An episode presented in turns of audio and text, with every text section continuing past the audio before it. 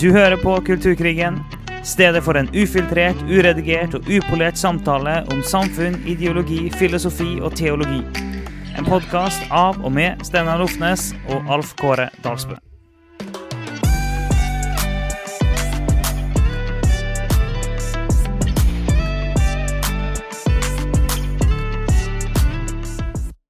Yes, skal vi begynne da? Ja. Kjør. Hallo, hallo. Velkommen til andre episode av Kulturkrigen. Nå, eh, nå er vi på andre opptak. Vi har akkurat snakket en og en halv time om eh, marxisme og kristendom, og eh, vi syntes det var skikkelig dårlig rettet. vi, vi gravde oss dypt ned i hengemuren, og vi følte at dette her ble rett og slett for, eh, for dårlig og for heavy til at uh, deres lyttere skulle, skulle måtte liksom uh, Nei, vi vil ikke invitere dere ned i hengemyren allerede på episode nummer to. Så vi bare kjører nå på, for at vi fungerer godt under press. Så nå har vi bare 50 minutter. Bare 50 minutter, sier du? Det var da fryktelig lenge likevel. Nei, altså, vi, vi, vi er forberedt for lange episoder. Um, så uh, 50 minutter er lite. Men det gjør at intensiteten vår må økes, og nå skal vi rett og slett gjøre det så mye bedre. Så vi ser fram til denne episoden om kristendom versus marxisme. Yes. Så vi må bare hoppe inn i det, eh, og så får alle dere som hører på, bare henge med. Det fine er at uh, meg og Alf Kåre vi får jo energi av å gjøre ting nytt. Mm. Og bare liksom nytt i seg sjøl, det, det, det, gir energi. Så jeg kjenner jo bare veldig drivkraft nå. Det som vi skal flyte på. Og bare ta helt av fra starten av. Men la oss hoppe inn i da. ok, Episoden kristendom versus marxisme. Hvorfor, hvorfor, hopper vi der? Hvorfor går vi hit til episode to? Hva er greia med marxisme? Hva har det med kulturkrigen å gjøre? Vi må si noen ord om det. Ja, og det vi da ikke skal gjøre, sånn som vi gjorde litt for mye i denne episoden som vi skroter, er å gå for dypt i hele marxismen. For dette er så utrolig stor ideologi og det er så mange temaer og ting å gå inn i. Um, så vi stresset oss sjøl litt mye med det. Men det vi egentlig vil gjøre, ikke å ta en grundig presentasjon av marxisme, men det er å plukke fram noen hovedsaker som vi opplever krasjer med kristendommen. Og det er ja, liksom hovedgreien vår i denne podkasten, egentlig. At vi har lyst til å utruste kristne til å tenke kristent. Ja. Og til å avsløre en del elementer i ideologier som, som ikke stemmer overens med vår tro. Eh, og samt å snakke om de forskjellige strømninger, altså ting, deler av marxismen som fortsatt preger kulturkrigen veldig mye. Så, eh, så dette er ikke liksom sånn der eh, forelesning om marxisme på alle sider av det. Men det er altså de elementene vi opplever blinker mest. Og vi kunne gått ganske dypt og, og, og holdt på timevis med masse elementer av marxismen, men eh, det skal vi ikke gjøre. Det, det, skal vi ikke gjøre. Og vi vil ha det ulike dypdykk i podkasten her, der vi går dypere inn i ting. Men hjertet bak er jo ikke, det er jo ikke ideologipodden. Det er jo å vise eh, Det er jo å vise trekke fram elementer fra ulike ideologier, ulike måter å tenke på, og vise en bibelsk måte å tenke på. Det er det som er hjertet bak her. Men eh, la oss hoppe inn i, i, i eh, kjapt, bare litt sånn historisk eh, bakgrunn. Marx, marxisme, når, hva, hvorfor. Ja, hvem i all verden var han her fyren her? Karl Marx, altså?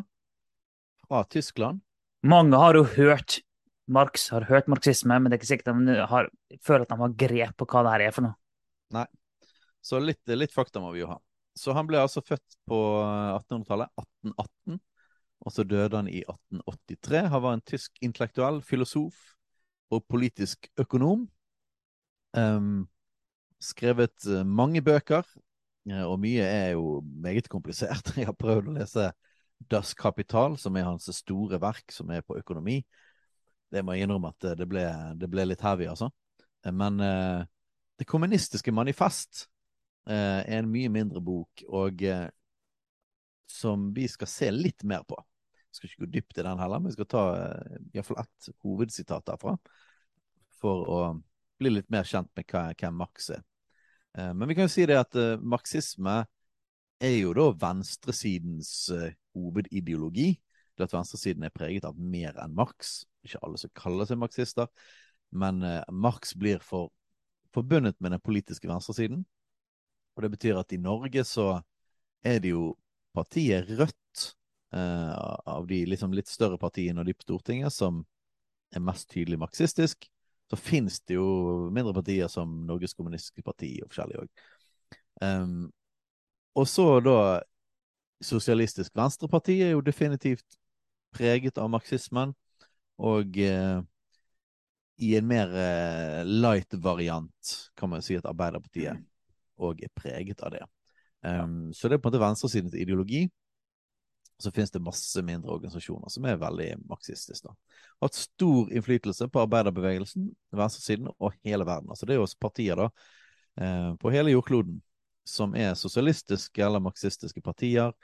Og eh, det har hatt stor effekt på hele historien. Men vi skal ikke hovedsakelig gå inn hele den veien der av Sovjetunionen og Kina og og sånn, men vi skal altså se litt mer hva er det i denne ideologien som krasjer mest med kristendommen, og hvordan preger det kulturkrigen? For vi vil jo eh, være så frimodige eh, og si at eh, Så frimodige og konkret å si at en kristen kan faktisk ikke stemme på Rødt ved stortingsvalg i Norge. Det vil vi faktisk si. Og hvorfor eh, er vi så tydelige på det? Hvorfor vi, føler vi at vi kan, vi kan, si det så tydelig at det finnes faktisk partier en kristen ikke kan stemme på? Og det er en grunn til det. og det skal Vi gå inn, vi skal vise hvordan det her krasjer på ting etter ting etter ting. Uh, og um, det er Vi tror at det finnes et spekter av partier kristne kan stemme på. Det er jo ingen, det er jo ingen partier som er perfekte, og, det, og alle partier har sine problemer osv. Uh, og det anerkjenner vi. Men så finnes det faktisk ting som en kristen bare ikke kan hva skal jeg si, være i nærheten av, bevege seg inn på. Og eh, det er mye i marxismen som er, er der. Yes, og vi er jo veldig opptatt av at uh, vi vil gå litt sånn under enkeltsakene. Uh, og finne liksom tankemåtene, eller brillene, virkelighetsforståelsen, strømningene som ligger under. Um, og i sak etter sak så er ikke det sikkert at vi liksom avslører det alltid. For eksempel at uh, partiet Rødt var veldig sånn kraftig imot uh, strømprisøkningen. Mm. Som var grunnen til at veldig mange i en meningsmåling nå sa at de ville stemt på Rødt. Um, det handler jo veldig for de, for de folkene som sier at ja, jeg vil stemme Rødt, 10% av Norges befolkning sa det akkurat i den meningsmålingen. Eh, så tviler jeg på at de fleste av de egentlig ville hatt Rødt til makten hvis de så alle de andre konsekvensene det ville hatt. Ja, ja. Eh, og hvis man ser på hva de egentlig dypest sett tenkte å gjøre for å endre på strømprisene. Eh, så, han, så, så, så, en enkeltsak Hvis du ikke kjenner ideologien under, så kan du bli litt lurt av enkeltsaker. Ja, og det er klart at nå når jeg er i ferd med å få en strømregning på 4000 kroner for august, for en sommermåned, det er klart at det plager meg litt. Jeg, jeg, blir, jeg blir, oppriktig irritert over å få en sånn strømregning. Og hvis et parti lover at ja, det fikser vi, og når det et parti i tillegg sier at ja, men i tillegg så skal vi gi deg gratis eh, barnehage Jeg bruker mange tusen i måneden på både strøm og barnehage nå, og det, det irriterer meg. Det er klart at det er veldig deilig hvis noen hadde fiksa det. Men sånn kan ikke en kristen tenke. Nei. For det fins eh, dypere og viktigere ting for kristne enn strømpriser. Og til og med barnehagepriser. Mm -hmm. um, så derfor må vi gå litt ned i eh, noen sider av marxismen her, som altså krasjer med kristendommen. Ja. Og da er det egentlig enkelt og greit å begynne i første setning i Det kommunistiske manifest eh, av Karl Marx og hans venn Friedrich Engels. Så har du lyst til å lese det eh, sitatet ja. der, eh, Afghan? Det her er da det første. Det er det hele greiene åpner med, bare så det er sagt. Her står det hele samfunnets historie fram til nå er historien om klassekamper. Fri mann og slave, patrisier og plebeier, baron og livegen, laugsborger og svenn. Kort sagt, Undertrykkere og undertrykkere har stått i stadig motsetning til hverandre, har ført en uavbrutt, snart skjult, snart åpen kamp. En kamp som hver gang endte med en revolusjonær omdannelse av hele samfunnet, eller med de kjempende klassers felles undergang. Oh yeah. Så la oss duk dukke litt ned i akkurat den først, da. Så kan vi ta litt sånn her én etter én sånne ting som vi mener krasjer med kristen tro. Mm. Så hva er det som står her? Altså, brillene til Marx var at hele historien handler om klassekamp. Eh, og at i forskjellige tider så har det vært forskjellige da, grupper som har vært liksom den som er over og den som er under. Men det, kampen mellom de har hele tiden vært eh, Det er liksom det som driver fram historien. Og så sier han eh, Oppsummerer denne klassekampen i undertrykkere og undertrykte.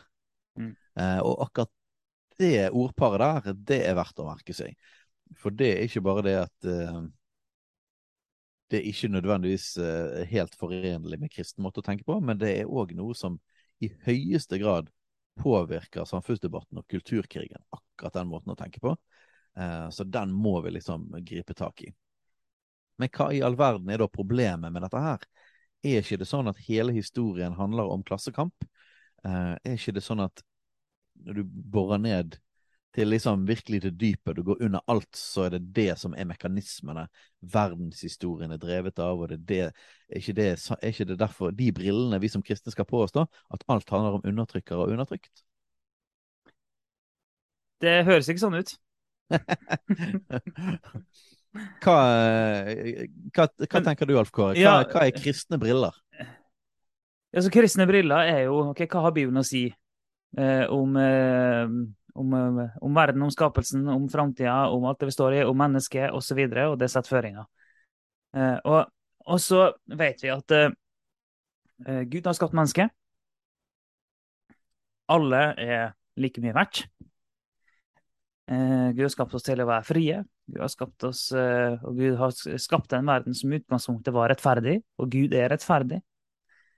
Så likhet, frihet, rettferdighet, eh, som, kan, som, kan, høres ut som er kjernen i eh, marxisme, så kan, kan, det høres ut som at det er jo en, en, noe av kjernen i kristendommen òg, kan det høres ut som. Likhet, frihet, rettferdighet. Det høres veldig bra ut. Men så mener en gjerne forskjellige ting, og en er villig til å gjøre helt forskjellige ting for å komme fram til det i tillegg. Så det, det er ikke forenlig. Nei. Og uh, en kristen måte å se verden på er rett og slett at uh, Gud skapte verden god. Mm. Men Og så skjedde det et opprør mot Gud, uh, som kalles syndefallet. Så at mennesket valgte å gå sin egen vei, ikke ha Gud som herre.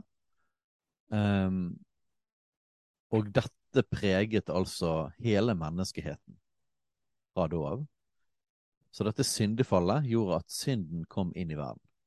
Så en måte å se verden på med kristne briller, det er at problemene i ut, utgangspunktet kommer fra syndefallet, mm. og gjerne i kombinasjon med djevelen. Uh, synd, syndefallet er jo da et indre problem, så det er hvert menneskets egen drivkraft til å gjøre ondskap, til å være egoistisk, til å gå sin egen vei. Um, mens djevelen da er en ytre kraft uh, Jeg tenker sånn at Djevelens rolle er på en måte å kaste bensin på bålet, eller å lokke menneskeheten den veien. Til egoisme, til opprør, til ondskap. Ja, ja og det er jo som du sier, at uh, en kristne altså, både Svaret på ondskapen ligger i synden og Satan. Eh, måte, alle, alle, gode svar finnes i Jesus. Den, enkle, den enkle, veldig, veldig forenkla kristne eh, virkelighetsforståelsen. Eh, det er, svaret er Jesus, og problemet er synd og Satan. Og det, det er der må plasseres. Og marxisme, revolusjon, kommunisme osv. Det peker mot noe annet. Det peker mot systemer, det peker mot uh, strukturer, mot stat osv. Og, og så sier det at det er problemet. Der ligger problemet. Ondskapen ligger i systemet, eller ondskapen ligger hos dem menneskene som har makt. Der er ondskapen, og vi må kjempe mot det. Vi må rive det ned. Det sier marxismen, og det sier mange ulike revolusjonære strømninger. Ja, og det er jo klart det at uh, hvis diagnosen er feil, så blir jo òg medisinen feil. Um, så det å ha en uh, lik forståelse av hva som er på en måte ondskapens problem, da, uh, det har ganske mye å si. Uh, og her er altså Marx helt fra starten av på kollisjonskurs med kristendommen. Vi ser ikke historien som en historie om klassekamp, primært. Mm. Det er nå heller en, en, en, mindre detalj i en av uh, drøssevis av uh, fæle ting som har skjedd uh, i historien vår. Det er som en del av miksen, i så fall. Men, men det store bildet vi har, er i motsetning til Marx at det, det er ikke klassekamp som er kjernegreien, men det er menneskets opprør mot Gud.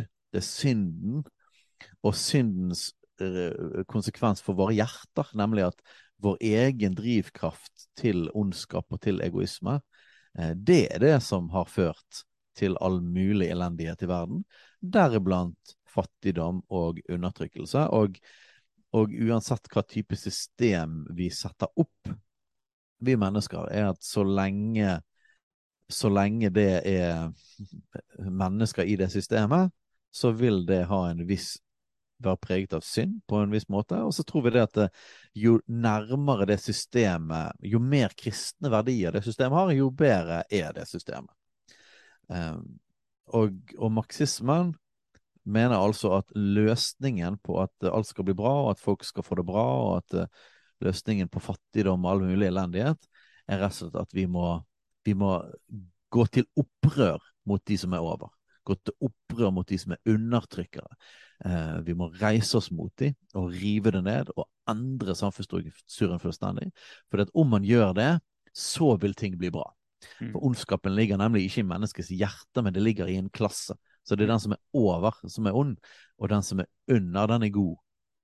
Eh, og, og, dette preger eh, fortsatt måten vi tenker på. Det, og det preger veldig måten vi tenker på. Eh, eh med, vi snakker ofte om minoriteter i dag og ulike undertrykte minoriteter. Og det kommer jo mye ut av denne tankegangen her med at Og for å si det, da. Vi anerkjenner at det finnes minoriteter. Vi anerkjenner at det finnes undertrykkelse, og vi anerkjenner at det finnes undertrykte minoriteter. Det finnes. Det er ikke sånn at det, vi sier at det ikke eksisterer.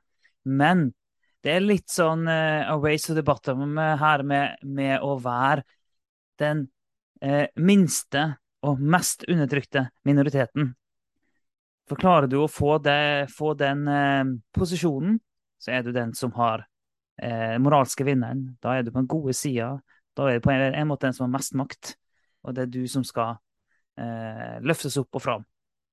Ja, og det, Max, det, ja, det, det, kommer av det her. Ja, og Max tenkte jo sånn. Mm. At det er den undertrykte som har den moralske overmakten. Og den undertrykte kan basically gjøre hva den vil. Den, har, den er ikke den har ikke de, den samme moralske forpliktelsen. Nei, og Marx har... åpner jo opp for å ta i bruk eh, heftige virkemiddel for å kaste eh, undertrykkeren bort. Og det er der da, en, en, Vi kan til og med anerkjenne ja, det finnes minoriteter for eksempel, som blir undertrykt. Her har det foregått, eller det har blitt begått, eller blir begått en urett. Og det må vi gjøre noe med. Alt det kan vi anerkjenne. Men vi går ikke inn da eh, med vold vi går ikke inn og knuser ting. Vi går ikke inn og river alt sammen ned. Fordi at uh, vet, kristne vi har ikke en kamp mot kjøtt og blod. Uh, marxisme har definitivt en kamp mot kjøtt og blod. og så tror jeg skal ikke gå inn i hele historien, Men det ser vi at det er mange titalls millioner av mennesker som har blitt drept som en direkte konsekvens av hele den ideologien. Men det er en sak i seg sjøl. Det er en kamp mot kjøtt og blod, og det har ikke vi kristne. Yes. Og Jesus sa det jo enkelt og greit. Den som tar til sverd, skal falle for sverd. Så som en kristen så vil vi tenke det at eh, ikke bare denne virkelighetsforståelsen av at alt handler om undertrykt undertrykker, og at alle problemer ligger i det systemet der, og så lenge vi får endret det systemet, så blir alt bra, og alle blir snille. Ikke bare er det helt feil diagnose, um, men bare drivkraften i seg sjøl er et stort problem for en kristen. Fordi at det vi ser videre i marxismen, det er at det er sinne og eh, kamp. Klassekamp, klassekrig. Eh, kamp mot de som er over, eh, er en del av den marxistiske tankegangen. Og vi tenker det at, eh, at hele kampmentaliteten er utfordrende i seg sjøl. Mm. Fordi at Jesus han manet ikke til kamp mot undertrykkerne. Vi skal male opp litt sånn der eh, Jesus sin settingen rundt Jesus, da. Eh, Så han var altså i, eh, i Israel for 2000 år siden. På den tiden så var Israel en romersk provins som het Palestina, provoserende nok, for jødene, altså. Og romerne hadde okkupert, og romerne var en brutal okkupasjonsmakt. Iallfall i forhold til dagens standarder. Det hadde fantes verre i historien før. Men eh, det er klart at de var veldig på lov og orden, og hvis det var noen som var utenfor linjen, så nølte de ikke med å bruke makt og tortur og, og undertrykkelse. Eh, de fant på korsferskelse, for eksempel, som var jo en brutal torturhenrettelsesmetode. Eh, til skrekk og advarsel for alle som gjorde motstand mot regimet. Så de var altså en, en overmakt som hadde Som undertrykket.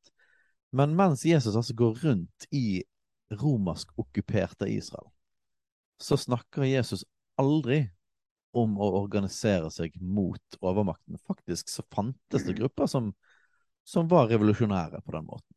Eh, Selotene, for eksempel, var en sånn gruppe. Og et, par, og et par av dem ble disipler av Jesus òg. Yes. Um, og Jesus konfronterte jo disiplene sine når de var inne på den type tanker eh, av å bruke makt og bruke vold.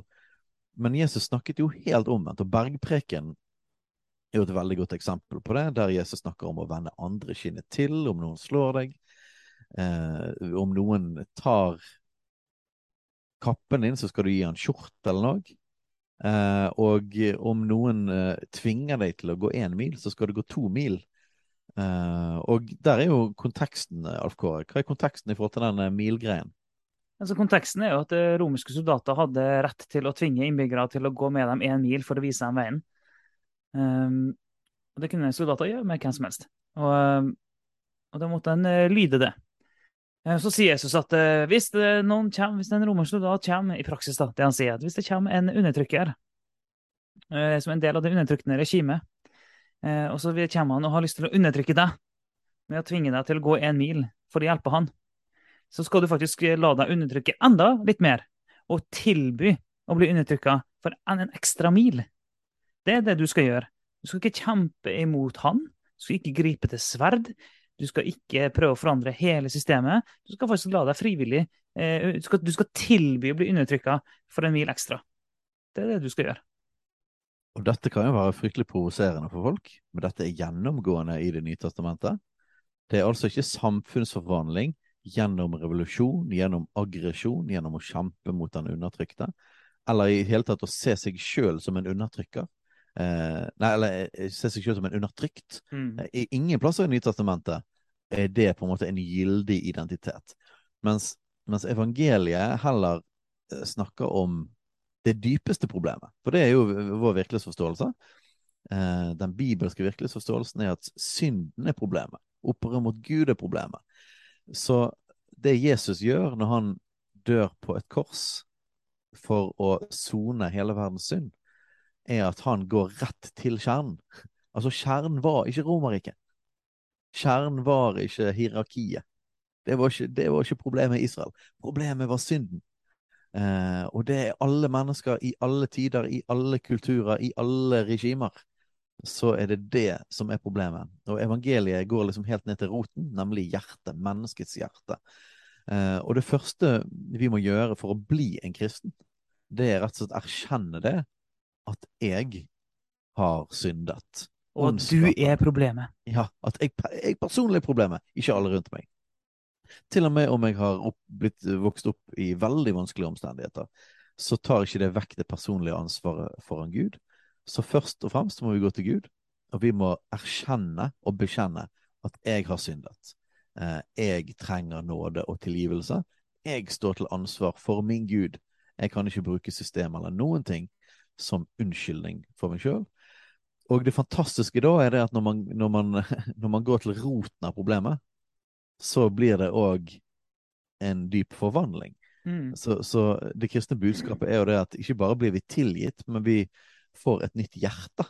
Og den kjærligheten og nåden som vi da opplever gjennom Jesus, den forandrer plutselig vår drivkraft, våre intensjoner. Vi må, vi må fortsatt kjempe med eh, eh, Vi kan fortsatt gjøre onde ting. Vi kan fortsatt være egoistiske. Men det har skjedd et skifte av hjertet eh, ved Guds nåde som har gjort det at nå ønsker vi å gjøre det gode. Vi ønsker å følge Gud. Vi ønsker å følge Hans bud. Eh, så det er en indre forvandling. Mm. Så uansett hva regime man er i, eh, så er Bibelens budskap det at vi kan bli fri på innsiden. Mm. Hvert enkelt individ kan bli fri fra synden, og vi kan få gjenopprettet vår kontakt med Gud. Og det er hovedproblemet. Og da faktisk feider liksom hva strukturer eller systemer vi er i, om vi er liksom over eller under eller her og der, det, det, det forvandles. Og faktisk i hele den der undertrykka undertrykt, så går det direkte imot den nye identiteten som vi får som kristne. Ja. Og vi blir altså Guds barn, og vi blir søsken, som gjør det at uansett hva eh, økonomisk stand eller hva sånn samfunnsklasse man måtte tilhøre, så er man altså brødre og søstre.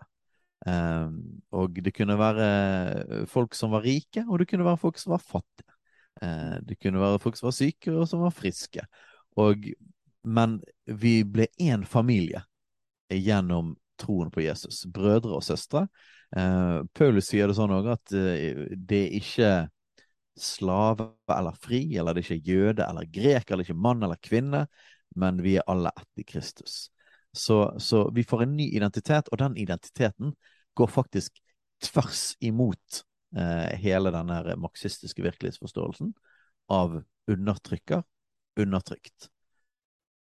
Så når det kommer da noen og sier det at uh, du er et offer, eller du er en undertrykker, eller, eller si at hele systemet må, forandres, alt må rives ned, og vi må ha, store, vi må ha revolusjon, eller vi må ha enorme samfunnsforvandlinger, og vi må ha det nå, og alt sånn, så må en kristen stoppe litt opp og være sånn eh, OK, OK, ok, vent litt nå. Eh, hva er det som blir sagt her?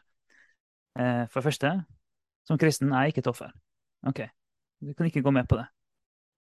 Og så sånn, ok, hvis det kommer noen som bare peker på systemet Og la, la meg si det, systemet kan, det finnes system som kan ha ødelagt.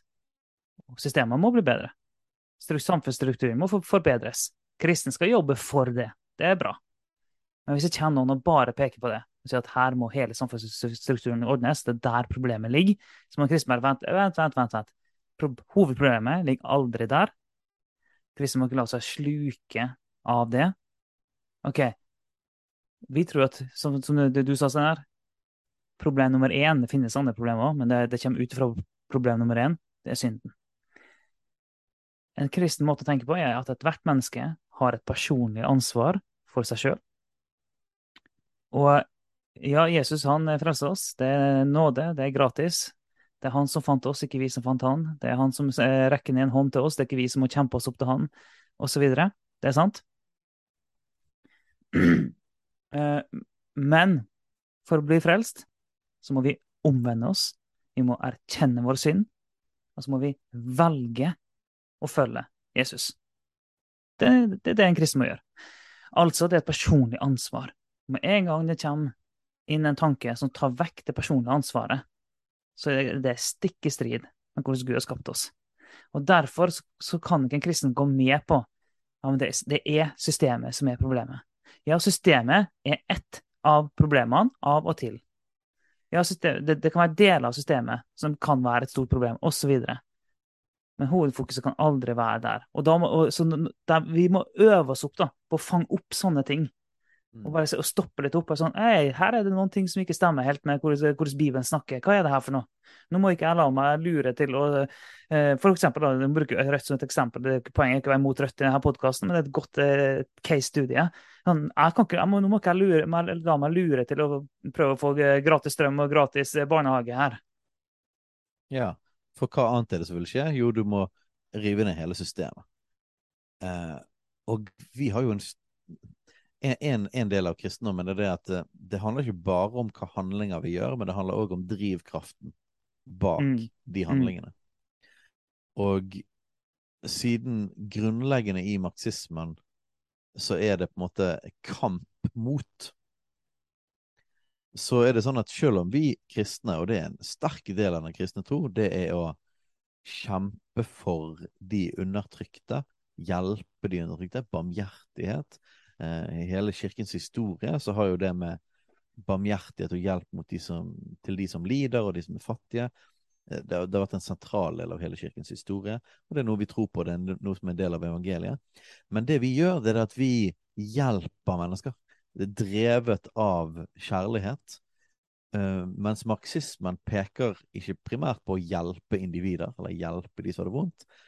Det peker primært på å forandre systemet. fordi de mener at det er det Max mente at det var det som var problemet. Det var det som gjorde at folk hadde det vondt, hadde det vanskelig, var fattige. Så marxismen ikke er primært en, en sosial bevegelse på den måten at det har veldig sånn sterk medlidenhet mot de vanskeligstilte. Eh, det er hovedsakelig en aggressiv, revolusjonær bevegelse som kriger imot undertrykker. Og det kan høres liksom ut som det samme, men, men det får veldig forskjellige resultater. Eh, og det kan vi se i historien. For at griper du til sverd, hvis du tenker hovedsakelig bare vi får de onde vekk, hvis du tenker at de onde er de som er på toppen Hvis vi bare river ned de onde, de fæle, så blir alt fint fordi at ondskapen kom fra de. Så blir man jo mektig skuffet, for eh, som historien viser seg, og som stemmer overens med Bibelen, så er jo ondskapen er fortsatt i menneskers hjerte. Mm. Synden har fortsatt rom i menneskers hjerte. Og det er ikke sånn at hvis du erstatter de, så plutselig blir alt fint. Faktisk, derimot, så virker det som at de som griper til sverdet og griper til aggressivitet og kamp, for å gjøre endring. De folkene ender opp med ofte å bli verre undertrykkere enn de de faktisk kjempet imot. Altså det, de begynner med aggresjon og hat og sinne og et ønske om å uh, omvelte alt sammen. Så har de det, men de har ikke makt. Og så får de makt, men de har fortsatt det, det hatet og det sinnet og det ønsket om å for, forvandle alt sammen. Og den kombinasjonen av det, det, indre livet og makten de da har fått, den kombinasjonen er som regel mye verre. Yes.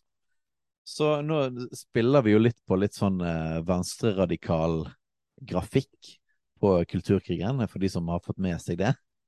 Eh, og en av de kjente revolusjonære marxistiske symbolene er knyttneven. The raised fist. Eh, og den handler om kamp. Den knyttneven, den slår oppover fordi at det er den undertrykte som er under som slår opp mot systemet over. Eh, og knyttneven betyr vold eller aggresjon. Det betyr å ødelegge, og det betyr å rive ned. Eh, og eh, til og med f.eks. Black Lives Matters. Nå skal vi gå inn seinere i det som har med antirasisme, rasisme og Black Lives Matter og kritisk raseteori og sånne ting. Men det var jo veldig populært å bruke svart knyttneve Eh, mens det var raseopptøyer etter George Floyd og hele den situasjonen. Eh, og kristne Jeg vet ikke hvor mye kristne tenkte over at den knyttneven oppover kommer fra marxismen, og, og, det handler om å knuse de undertrykte strukturene. Altså Det handler ikke om Det er veldig forskjell på åh, Og det er her alltid de kristne blir lurt. Åh, det er så stor forskjell på å si det at å, men vi kristne, vi har hjerte for de som har det vanskelig. Eh, og hvis du tar da i tilfelle å, svarte i USA, statistisk sett, mye større samfunnsproblemer, eh, fattigdom, arbeidsledighet, masse vanskelige og vonde ting. Og en kristen vil da på en måte gjennom medlidenhet eh, tenke at yes, her er en viktig sak. Og det er det. Eh, men så blir vi lurt av den marxistiske måten å tenke på, og bare en litt sånn spoiler alert for seinere episoder. Black Lives Matters-organisasjonen eh, og de som står i spissen for det, er marxister. Det er hele deres uh, forståelse. Så det at løsningene de får, blir da feil fordi at de kommer med feil diagnose. Så, så når de ser på George Floyd-drapet, uh, så ser ikke de bare en tragisk, forferdelig situasjon uh, med medlidenhet mot et enkeltmenneske. og nå vi trenger medlidenhet, vi trenger kjærlighet i samfunnet. Det de ser, er et symptom på et undertrykkende regime. Og her er det koblet eh, kapitalismen, koblet òg med hvit overmakt. Eh, og da handler det om å, å svart knyttneve oppover til å knuse det, det hvite kapitalistiske systemet som fører til undertrykning, og politiet er et symptom på det. Det er liksom Det er myndighetene og de undertrykkendes redskap. Så det betyr defund the police. Eh, Kjemp mot politiet. Vi hater politiet. Knus politibiler. Um, og hvis en kristen har noenlunde gangsyn og forståelse av hvordan Guds rike fungerer, og hva evangeliet er, så er det det der er ikke Guds ånd. Det er ikke, det er ikke måten vi tenker på. Hva er rasismens problem? Jo, det er synd. Mm. Det er det at vi ikke ser at alle er skapt i Guds bilde, og behandler folk deretter. Det er ikke først og fremst et systemproblem, det er et syndsproblem. Og så kan- evangeliet vil forandre hjertene. Og så vil noen helt sikkert si at ja, men det, ja, men det finnes systemer som er rasistiske i seg sjøl. Og så eh, benekter ikke vi eh, fullstendig at det, at det finnes eh, sånne ting òg, men vi, vi bare holder fast ved at hovedproblemet ligger ikke der. Og alle problemer må løses der problemet virkelig ligger. Symptombehandling hjelper ikke, en må gå der sykdommen er og gjøre jobben. Og det er synd som er sykdommen. Og Og- gjør du aggressivitet, så Ja. er jo det som en kristen òg. Så er det sånn eh, La oss si at noen eh, undertrykker noen. Det er synd. Sant? Og fordi at noen undertrykker noen, så blir den undertrykte, så begynner den å hate den som undertrykker. Mm. Men det er synd. Så er Bekjemp synd med synd. Sant? Du kan ikke bekjempe synd, bekjempe synd med synd. Nei, og du faktisk kan er det ekstremt viktig i vårt budskap i dette her med kristendommen versus marxisme. Det er det at eh, Marx vil bekjempe synd med synd. Ja. Eh, og resultatet blir bare mer elendighet Ja. og mer synd. Aggressivitet, hat, rivende strukturer er ikke midler eller drivkraft som en kristen kan Ja, og, og, og så kan noen tenke at ja, men hva er problemet med å rive ned strukturer som er feil i seg som er, som er dårlige og elendige og sånn. Og så er det sånn, ja, det, det kan være strukturer og systemer som skal forandres. Absolutt. Det, det, kan vi, det kan vi anerkjenne. Men en må vite hvorfor en skal rive dem ned. Hvorfor en skal eh, forandre dem. Ta for eksempel eh, marxismen som Det er ikke bare det at han har lyst til å forkaste eh, det menneskelige styresettet. Vil du oppløse familien? Vil du oppløse, så det, det, det er ikke bare snakk om å, eh, å rive ned myndighetene, myndighetsstrukturene, men det er faktisk å forandre alle strukturer. Må være, da må man passe på men hva, hva sier de om familien? Hva tenker de om det? Altså, i, og her vil jo eh, av dagens marxister vil sikkert si at nei, men vi er ikke enige med alt det som eh, Marx skrev. Nei, vi mener ikke at eh, familien er undertrykkende i seg selv, selv om han mente det. En kan gjerne tenke sånn. Men, eh, og det er på en måte vel og bra, men en har gjerne ikke et gjennomtenkt forhold til hva det er en tar med seg av tankegodset. Yes, pluss at du kan jo se det på politikken. Om det ikke er så dramatisk som Marx, så er det gjerne en, en utvannet versjon. Mm. Og det er ingen tvil om at jo lengre til venstre du går i politikken, jo mer marxistisk tenker man om familien. At, uh, at det er hovedsakelig myndighetene, eller uh, folket, som oppdrar barna. Uh, og hvert barn trenger å bli trenger å bli sosialisert sammen med på en måte de andre i folket. Og foreldrenes rolle blir tonet ned. Så statens rolle går opp, foreldrenes rolle går ned. Og det er marxistisk tankegang. Marx så familien som en kjernefamilien som en kapitalistisk struktur, eh, og at det var undertrykkelse at foreldrene bestemte over barna. Eh, og at det var en del av den samme dynamikken da, med undertrykt og undertrykker. Og uh, i en eh, senere episode eh, tipper jeg vi skal gå mer inn i hele denne her undertrykt-undertrykkermekanismen. Uh, fordi uh, den er så drivende for mye av det vi ser og opplever i dag. Vi var så vidt inne på det, det med hvordan det er stadig nye minoriteter og sånn, og stadig nye som skal være den undertrykte. Og hvit, man, hvit heterofil mann på 50 er den ultimate undertrykker. Eh, og en må forstå at alt det her, det her, hele det her språket her som foregår til enhver tid nå, det kommer ut av denne tankemåten. Og nettopp derfor så må kristne være sånn obs på. Og alt som har med pride-bevegelsen sånn, og det, det, er snakker om det, det kommer ut av en sånn tanke. Og da må en kristen være Det hjelper ikke å bare si ja, men vi skal bare være glad i alle mennesker. Ja, det skal vi. Eh, vi skal elske alle mennesker. det skal vi. Gud har skapt alle. Men det betyr ikke at vi kan bare omfavne alle mulige ting som blir sagt, alle mulige ting eh, de kommer med. Vi må forstå hvor tankegodset kommer fra. Yes. Så, og, og, du snakket litt om selvfølgelig kan samfunnsforvandling være forenlig med kristendom, men hvordan man gjør samfunnsforvandling og drivkraften er avgjørende. Ja, det er Så det. kjærlighetsdrivkraft er avgjørende, ikke aggressivitet. Og vold er no go. Mm. Og den trenger vi ikke gå så dypt i en gang, for den tenker jeg bare det, det, det tror jeg folk skjønner. Så å, å, å bruke vold, væpnet revolusjon, eller å bruke vold til og med i voldelige opptøyer og sånne ting, eh, eller angripe politiet eller sånt, det er ikke sjans. Altså, da er det jo bare det, det. Som sagt, vi greier ikke å gå dypt inn i en gang, det er bare totalt uforenlig med, med en kristen tro. Ja. Eh, det er det motsatte av det Jesus sa vi skal gjøre. Så, så eh, en kristen kan kjempe for at samfunnet skal bli bedre, men det må gjøres på riktig måte. Men kristen har heller ikke veldig stor valgfrihet i hvordan det skal gjøres. Det er, det er ganske godt ramma inn hvordan en kristen kan jobbe for samfunnsforvandling. Det kan ikke være i opprør mot myndighetene. En kan tale myndighetene midt imot. Det kan utfordre myndighetene. Det kan være en moralsk motstemme. Alt det kan kristne gjøre.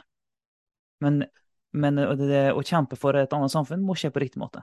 Ja, og rammene for det jo, gjør jo at vi holder oss Vi naturlig kommer mot sentrum av politikken.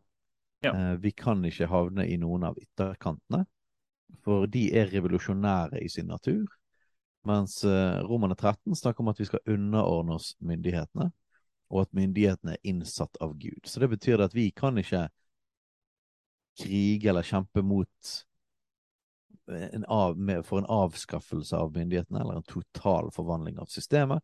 Eh, demokratiet er ikke noe som det står beskrevet i Bibelen, eh, men, men, de kristne verdiene fungerer godt innenfor demokratiet. Eh, fordi at det gir oss det gir oss rom til å tro, det vi tror. Eh, men det gir òg rom for folkets innflytelse uten vold eh, og uten å styrte systemet. Men, men gjennom, eh, gjennom, både trosfrihet og ytringsfrihet så kan man være med å påvirke på en, innenfor de rammer som òg er greit fra, fra Guds side. Eh, så i demokratiet fungerer vi godt, men, eh, men vi kan ikke være en del av en revolusjonær bevegelse som tar til sikte på å styrte hele samfunnsstrukturen. Um, ja, det kan vi ikke. Og nå nærmer vi oss slutten eh, på denne eh, episoden. Men for å ta et konkret eksempel på hvordan eh, Bibelen gir oss sånn retningslinjer når det gjelder sånn konkret politikk. Da, for Bibelen forteller oss ikke nøyaktig hvordan politikken skal, skal uh, utformes. Men vi har hatt mye snakk om rusreform. Der, og ikke alle, men deler av retorikken rundt rusreformen tenderer mot en marxistisk tanke om at eh, ok, narkomane er offer, punktum.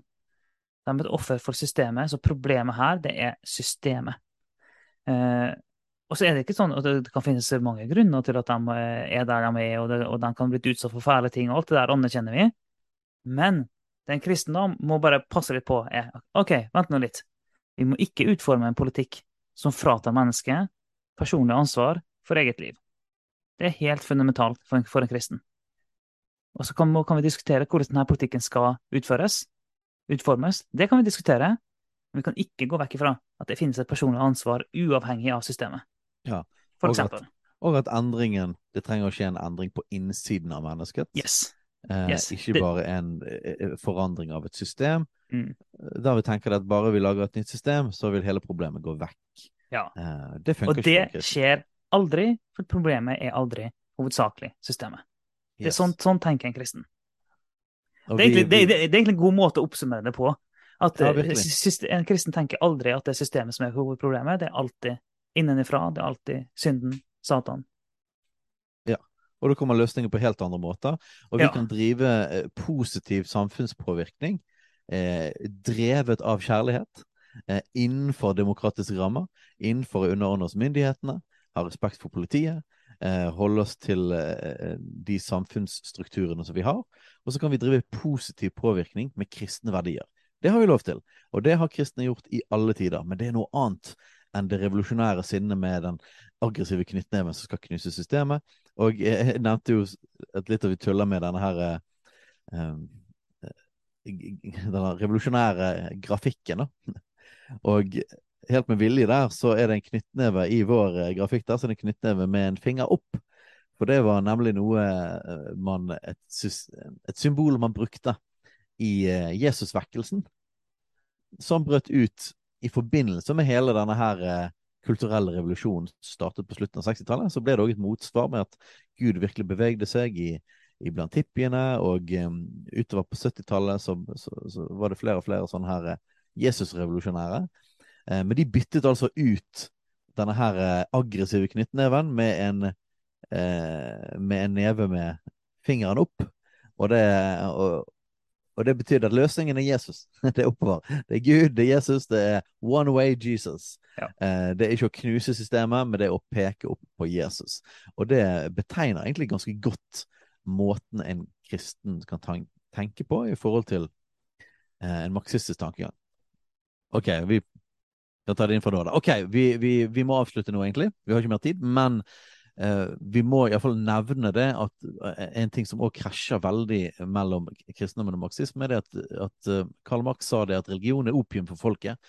Um, og noen vil tenke det at ateismen i marxismen bare er liksom en en bug eller noe du kan ta ut, men jeg vil si det at det er ikke en bug, det er en feature. Det er en, en sentral del av hele tankegangen. Mm. Og, og, grunnlaget for det var det at Max mente at religionen, og spesielt kristendommen, var en del av det kapitalistiske systemet som var designet for å holde arbeiderklassen undertrykket.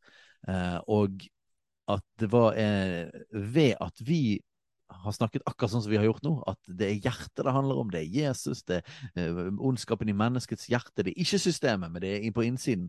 Det tok faktisk vekk hele den revolusjonære aggressiviteten og sinnet eh, blant de som var kristne. Eh, mm. Og det, det ødela for revolusjonen. Ja. Eh, fordi at de kristne ville ikke være med på å kjempe på den måten. Og de ville ikke bruke vold, og de ville ikke være aggressive. De ville elske sin neste. De ville mm. underordne seg myndighetene.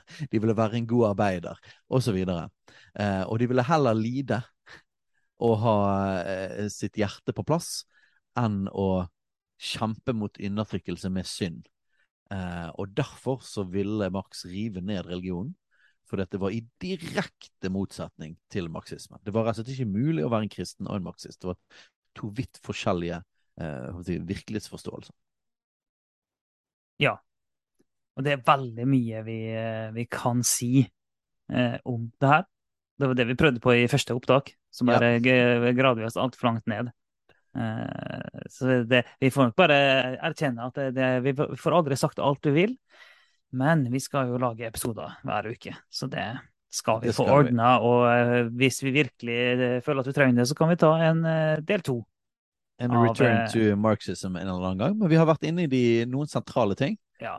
og jeg håper det at det hjelper folk å tenke kristent ja. inn i møte med disse ideologiene. Mm. Det er det.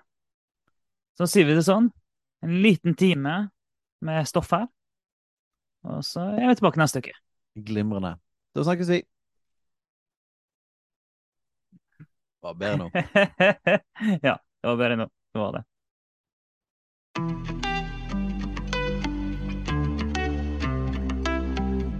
Takk for at du lytter på Kulturkrigen. Om du har tilbakemeldinger, spørsmål, hva som helst egentlig, send inn til postalfakrøllkulturkrigen.no eller på sosiale medier.